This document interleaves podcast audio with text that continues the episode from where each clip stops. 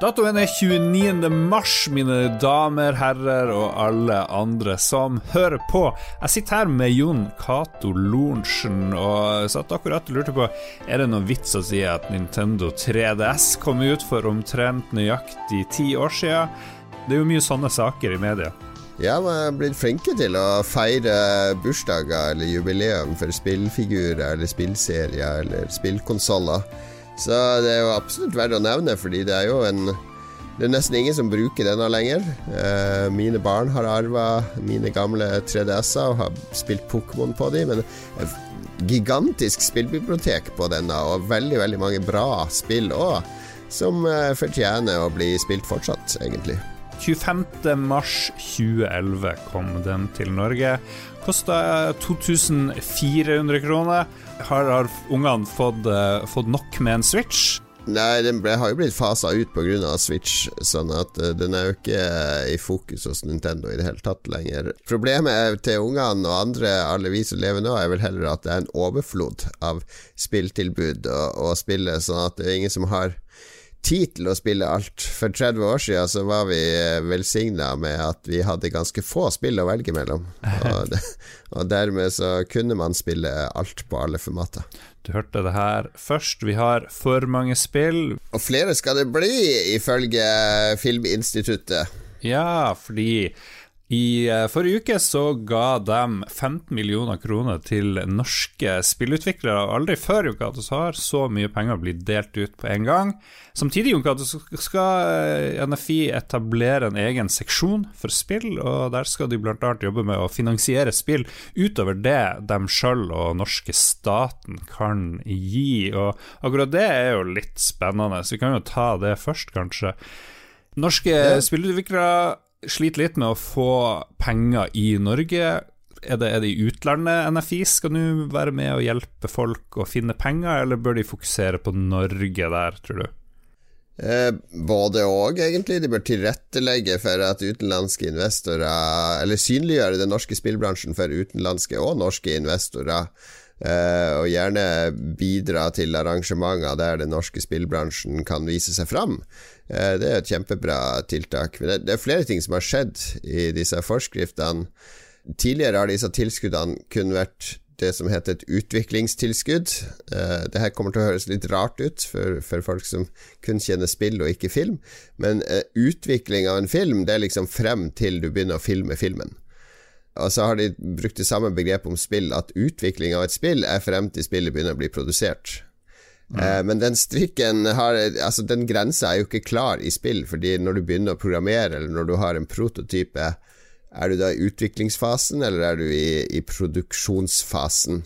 Ja, for nå skal NFI følge og støtte et spill gjennom hele livsløpet på et vis, da. Og det er vel fordi NFI først jobba bare med film, og så har de bare copy-pasta reglene egentlig fra hvordan det er å lage en film. Ja, copy-paste, da tråkker vi folk på tærne som har jobba masse med å tilrettelegge det her. Det har jo fungert sånn at du ser mange av spillene som fikk støtte denne runden, har jo fått støtte tidligere, fordi man deler spillutviklinga uh, opp i flere faser, og noen av de som får støtte nå, er ganske nært ferdigstillelse. Så, så, det er tydelig at det er behov for penger for å liksom lande spillet. At man uh, kanskje ikke har fått de private midlene man har prøvd å få med spillet i sin nåværende stand, og at NFI har kommet inn og, og bistått nå på slutten òg. Blant de som har fått penger før, er Snowcastle Games, som får fire millioner til Earthlock 2, og Red Thread Games, som får også fire millioner til Dustborn. Spill som jeg tror ikke har fått støtte før, det er vel uh, Krillbite, som får 3,3 millioner til Ut på tur. Det er vel arbeidstittel, en personlig og emosjonell historie om en dramatisk og fantasifull reise gjennom et nordisk landskap. Og så får Hyper Games, som vant de vant spillprisen for et par uker siden med Mørkredd. De får 1,8 eh, millioner til Chippu, et plattformspill med pinball-mekanikk, og der er jo jeg med en gang med. Pinball-fan som jeg er, og så får Du tror det blir et nytt uh, Pinball Dreams, du? Basically. En sånn story-driven uh, Pinball Dreams. Jeg håper de snakker med Dice uh, mye om akkurat det her. og så får Sarepta Studio, som jo hadde stor suksess med My Child Lebensborn. De får sammen med Teknopilot 500 000 kroner til My Child New Beginnings, som er oppfølger til Lebensborn. Og da tar du rollen som forsørger for et barn med store problemer. For å snakke mer om eh, penger til spill og hva som er på vei, så har vi snakka med Bendik Stang fra Snowcastle Games. Earthlock 1 var jo et veldig spesielt spill, et norskutvikla eh, type japansk rollespill. Hva, hva, er de store forskjellene fra det første spillet til det nye dere lager nå? Det er eh, bl.a. sånn som man så i uh, announce-traileren vår, at, uh, at, vi har uh, noe spennende på gang med uh, naturen. Som jeg gleder meg veldig til å demonstrere mye mer. I Earthlock 1 så var det ikke så lett for folk å skjønne at verden er statisk, at solen ikke måte beveger seg på himmelen fordi planeten ikke roterer rundt sin egen akse. Mer enn det tør jeg ikke å si. Vi, har, vi, har, planer for når det skal komme ut, eller når, vi skal annonsere tingene. Noe som er veldig spennende med eh, det utvidede um, støtteordningen, er jo at uh, prosjektene også da kan være større. Så Earthlock 2 har et budsjett nå på 42 millioner kroner. Um, og det er klart at uh, Hvis NFI skal bidra uh, verdifullt inn i det, så må jo selvfølgelig også støtteordningen være mye større enn hvis det var et prosjekt til 5 millioner kroner. Mm. Uh, så det, og det er jo det som KUD har gitt uh, NFI mandat til nå, å støtte litt større prosjekter på den måten som de gjør nå. Også med Dustborn, som du kan se, som har fått, jeg tror de har fått 9 millioner kroner til sammen nå. Og Det er kult, for da får vi større prosjekter, og større prosjekter har, har litt mindre konkurranse i indie-markedet. Eh, så, så det, det, tror jeg også kan være positivt, for at man får opp synligheten på Eller at, at, noen spill kan gjøre det bedre uh, og bra nok til at investorene også blir interessert. Hvor mange ansatte er det nå i, i selskapet? 27 stykker. Vi har gått fra 12 til 27 på, siden 2018, så vi merker det også internt.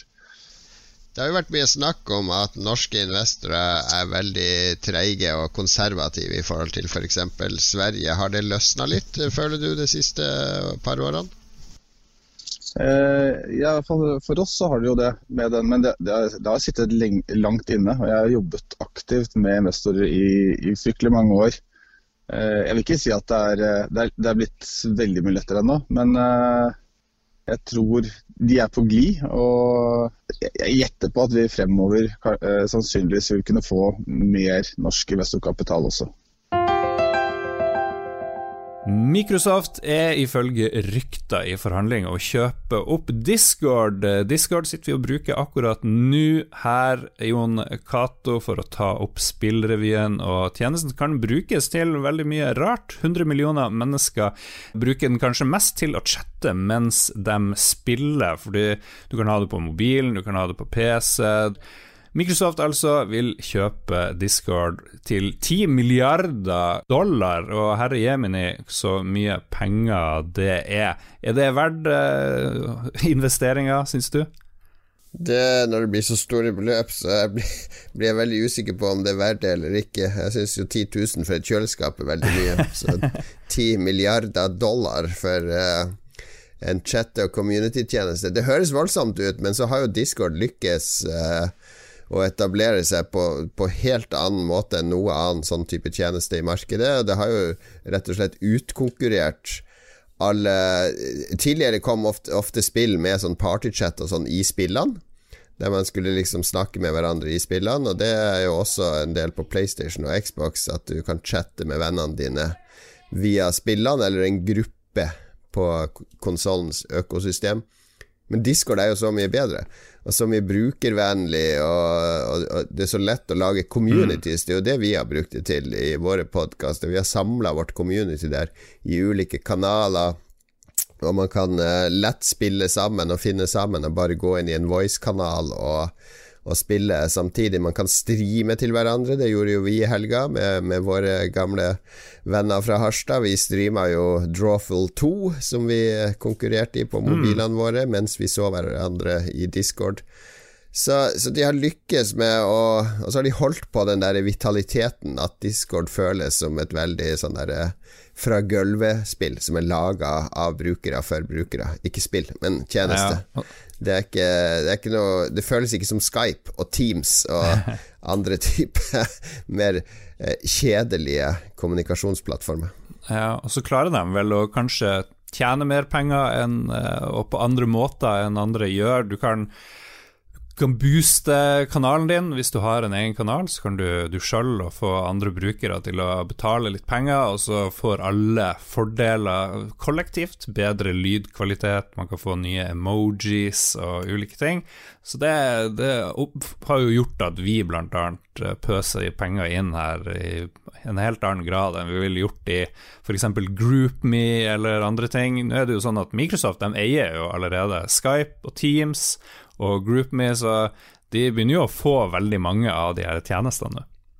Ja, det, det de tenker her, er nok å integrere det i Xbox-økosystemet i større grad. For det hadde vært helt uh, genial integrasjon. Da har du plutselig et GamePass-grensesnitt i Discord på PC.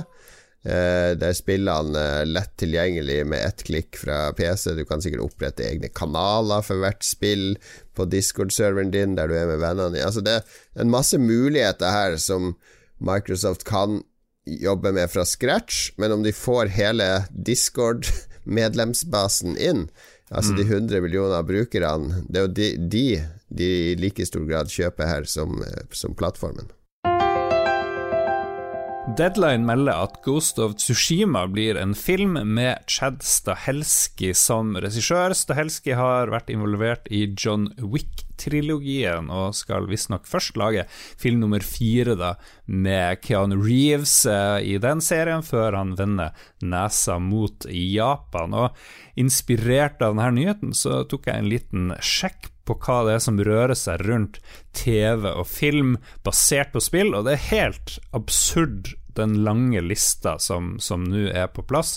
Sony de lager jo også Uncharted-film og TV-serie av Last of Us, og en Borderlands-film er på vei, det har vi nevnt før. Det kommer en anime-serie basert på Cyberpunk. Fallout skal visstnok bli noe på Amazon Prime, og Netflix snuser på The Division, og det, den lista er kjempe, kjempelang. Jeg drev og lurte litt på hva er det som gjør at at uh, film- og, og TV-seriebransjen nå ser ut i mye større grad å kaste seg over spill. Har du tenkt noe rundt det, Jon Cato?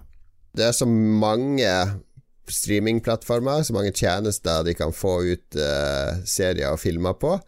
Uh, at behovet er nesten umettelig akkurat nå. Det sånn, har vært sånn Klondyke i flere år, der alle trenger original content.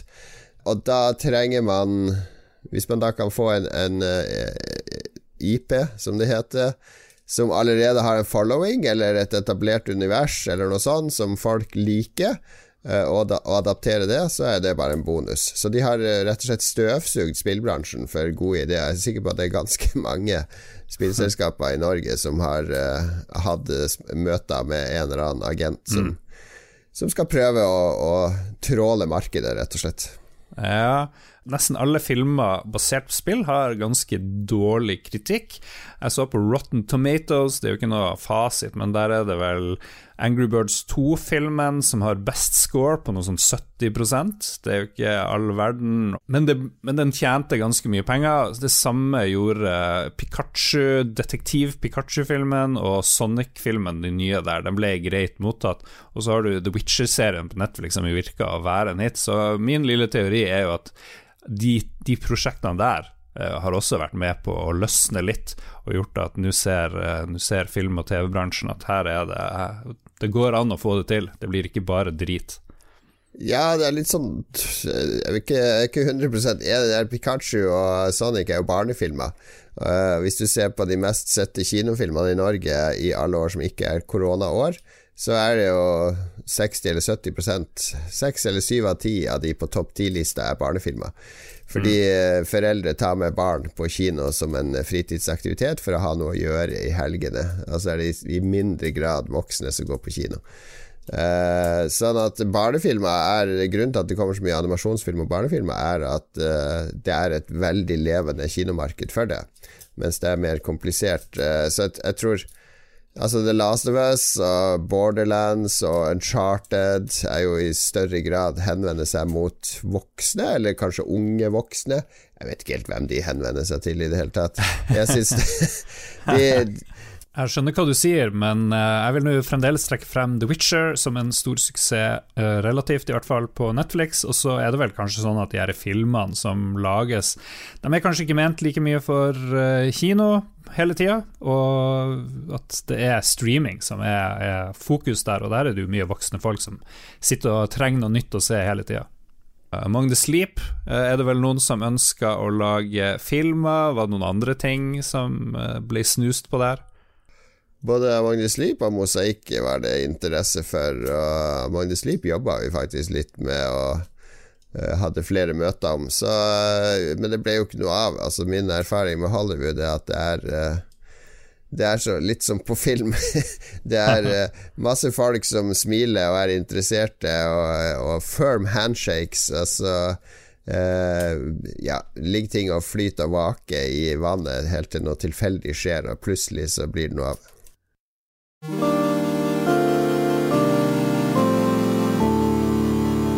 om Microsoft. Denne uka så hadde de en digital visning av 22 indiespill som kommer på Xbox GamePass, og mitt hjerte blir jo veldig glad. Jeg vet ikke om Summer of Arcade er på vei tilbake, det kunne jo vært litt artig. Før var det jo sånn at de løfta frem en fire sånne og så fikk de masse gratis oppmerksomhet. Super Meatboy og Braid og på den tida da de kom, jeg husker ikke om alle de var med i Summer of Arcade, men det var i hvert fall Det ble lagt merke til. Og så kom Sony og skulle være indie-selskapene sin kjæledegge, og ble det. Og nå har pendelen svingt tilbake. Er det Microsoft nå som er indie-selskapet? Eh, basert på veldig vage erfaringer, så vil jeg si at Microsoft er mer indie-retta nå enn de har vært siden Xbox 360, og har tatt litt av ballen fra Sony. Sony har hatt litt arroganse med PlayStation 5, f.eks. Eh, de har vært litt selektive med hvem som får slippe til. Så Sports Interactive og Football Manager var de ikke interessert i å ha på PlayStation 5, så det ble jo en Xbox-eksklusiv, rett og slett fordi studio Sony sa nei til studioet når de spurte mm. om å få DevKit, så de kunne lage spillet på Sony sin plattform.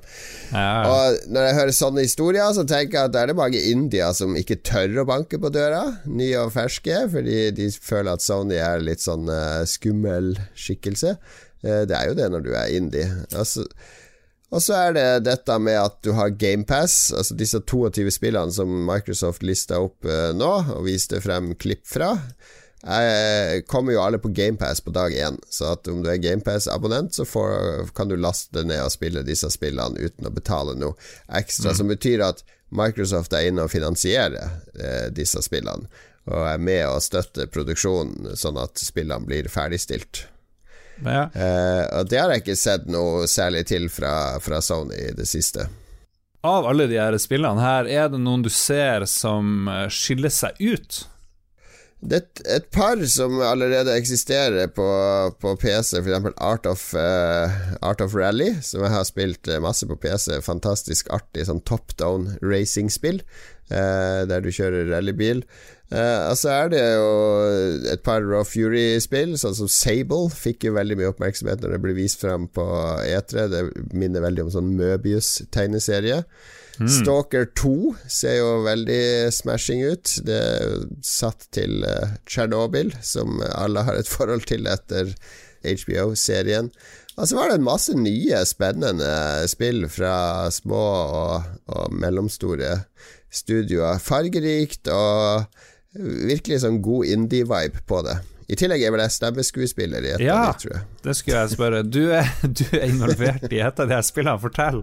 Hva, hvordan ble du involvert, og hva er det du har gjort? Uh, jeg har ikke signert noe NDA, så jeg, jeg, kan, jeg kan, si hvor det Altså, min lydmann Martin i Krillbite, Martin Kvale, han uh, lager lyd til veldig mange ulike spill. En av de flinkeste i bransjen. Han tok kontakt rett og slett og lurte på om jeg kunne spille inn noen uh, Det er ikke dialog, men det er lyder. Sånn Hei! Hey man! What you doing there? Sånne type ting, ja. Som en karakter i et kommende spill som skulle vises på denne showcasen. Og det sier jeg selvfølgelig ja til. Det er jo veldig gøy å bli spurt om det. Det er andre gang jeg er stemmeskuespiller, Lars, i et spill. Ja, du har vært i noen sånne quiz-spill? Nei, hva det er? Du har vært skuespiller? Jeg har vært i eh, Dollar, basert på en Lisa Marklund-roman. ja, det var det, ja. Utgitt av Pan Vision. Der har jeg masse dialog. Det var helt forferdelig.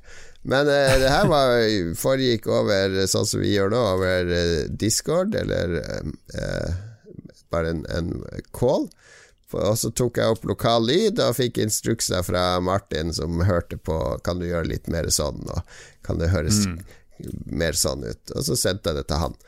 Så jeg er ikke med i den traileren. Jeg tror ikke de lydene er implementert der. Men vi får se om jeg dukker opp i the final game. Kanskje de har funnet en bedre en. Uh, for jeg, er ikke helt uh, Jeg føler meg ikke helt som en proff stemmeskuespiller. Det heter Moonglow Bay og er et, en emosjonell fiske... Fiskespill Fishing North Atlantic indie-versjon er det jeg tenker på i mitt hode. Hvilket spill er det som kommer frem til neste gang vi, vi vender tilbake med spillnews, Jon Cato? To spill jeg vil fremheve. Det ene heter Outriders eh, fra det polske studioet People Can Fly. De er mest kjent for uh, spillet Bulletstorm, som var litt sånn artig, uh, kanskje parodisk uh, førstepersons uh, skytespill i sin tid. Uh, Outriders er uh, litt sånn uh, Jeg har ikke spilt ennå, selv om det har vært en demo ute lenge. Det minner litt sånn om Destiny. litt sånn generisk space shooter-greier, der du har et team med fire personer som alle har forskjellige ferdigheter. Mm. Det ser veldig smashing ut uh, i Ja, veldig høy produksjonsverdi. Og så er det sånn samarbeidsspill, og det er det noe vi trenger nå, så er det å samarbeide med vennene våre over nett, spille sammen. Det er mye sånn herre øgle og flygende monster og sånne ting. Så det er ja, spennende. Spennende. Kommer nå 30. mars, og det kommer vel også på GamePass på Xbox eh, på dag én, men ikke på mm. GamePass på PC. Og 6. april så kommer det noe jeg ser veldig spent på. Ja, det kommer en uh, Lorne Lanning som forlot uh, spillbransjen for noen år siden. Han er jo mannen bak Oddworld-spillene. Han kom tilbake igjen og uh, la, har vært med å lage en remake av 1998-spillet Oddworld Apes Exodus, som heter nå Oddworld Soulstorm. Det er altså det andre spillet i Oddworld-serien som har fått en remake. Eh, ser veldig pent og flott ut, og eh, Oddworld har jo en eh, relativt stor fanbase som var veldig glad i dette bisarre universet til Lorne Lanning på, på 90-tallet og, og 2000-tallet. Mm. 2D-utforsking og navigering, puzzles i et sånn sjarmerende univers hvor det er noen sånne greedy corporations som utnytter, utnytter, arbeidere som du skal hjelpe, hvis jeg husker ja, rett. Ja, ja. Det blir gøy for deg å spille det nå, når, når du er den greedy corporation som uh, utnytter dine ansatte i mediebedriften din. Ja, det blir mer sånn tips for å finne ut hvordan skal jeg la være at det blir noe uprising blant arbeiderne. Det er som Donald Duck. det der, vet du Når du var barn, så identifiserer du deg med Ole Doffen. Og så når du blir litt større, så identifiserer du deg med Donald. Og nå er jeg så gammel at jeg begynte å identifisere meg med onkel Skrue. En reise. Vi er tilbake om to uker, folkens, hvis ikke det skjer noe veldig dramatisk i spillverden i løpet av påsken. Så ta vare på dere sjøl da. Eh, hør på Lolbua, vår andre podkast, kommer stort sett, eller egentlig hele tida, hver onsdag. Sjekk også ut våre venner i Ragequit, de er også en del av Lolbua. De distribuerer også noe som heter Likos univers. Vi samarbeider med pressfire.no, og der uh, kommer denne podkasten òg, hvis dere vil lese litt mer om, om nyhetene. Og ja, også hver uke da så er det det her gode rådet da, Jon Cato, fra deg. Tatt litt på sparket Eh, du føler hva, hva er det som trengs å gjøres i hagen ofte, og sånne ting. Eh, arbeid innendørs. Hva er det nå du skal fokusere på? Eh, Nå er det påske, og de fleste av oss må sitte hjemme, så, men det er fullt mulig å gjøre ting med venner og familie. Så bare nå denne første påskehelga så har jeg spilt Drawful 2 på Discord med deg og flere andre, som er et åtteplayerspill der jeg streama på Discord, og de andre var med på mobilene sine. Funker helt utmerket sammen med gjerne med noe. Godt i glasset. Og i går så spilte jeg online poker. Der vi alle ni var inne på Discord og spilte på et pokerbord eh, som du kan lage på en nettside. Ni Eh, stykk. fun- ja, fungerte helt utmerket, det òg. Så nå føler jeg at jeg har vært mer sosial denne påsken enn jeg har vært eh, noen gang, til tross for lockdown. Så eh, se på muligheter til å være sammen på nett. Veldig godt tips. Vi snakkes alle sammen. Ha det bra.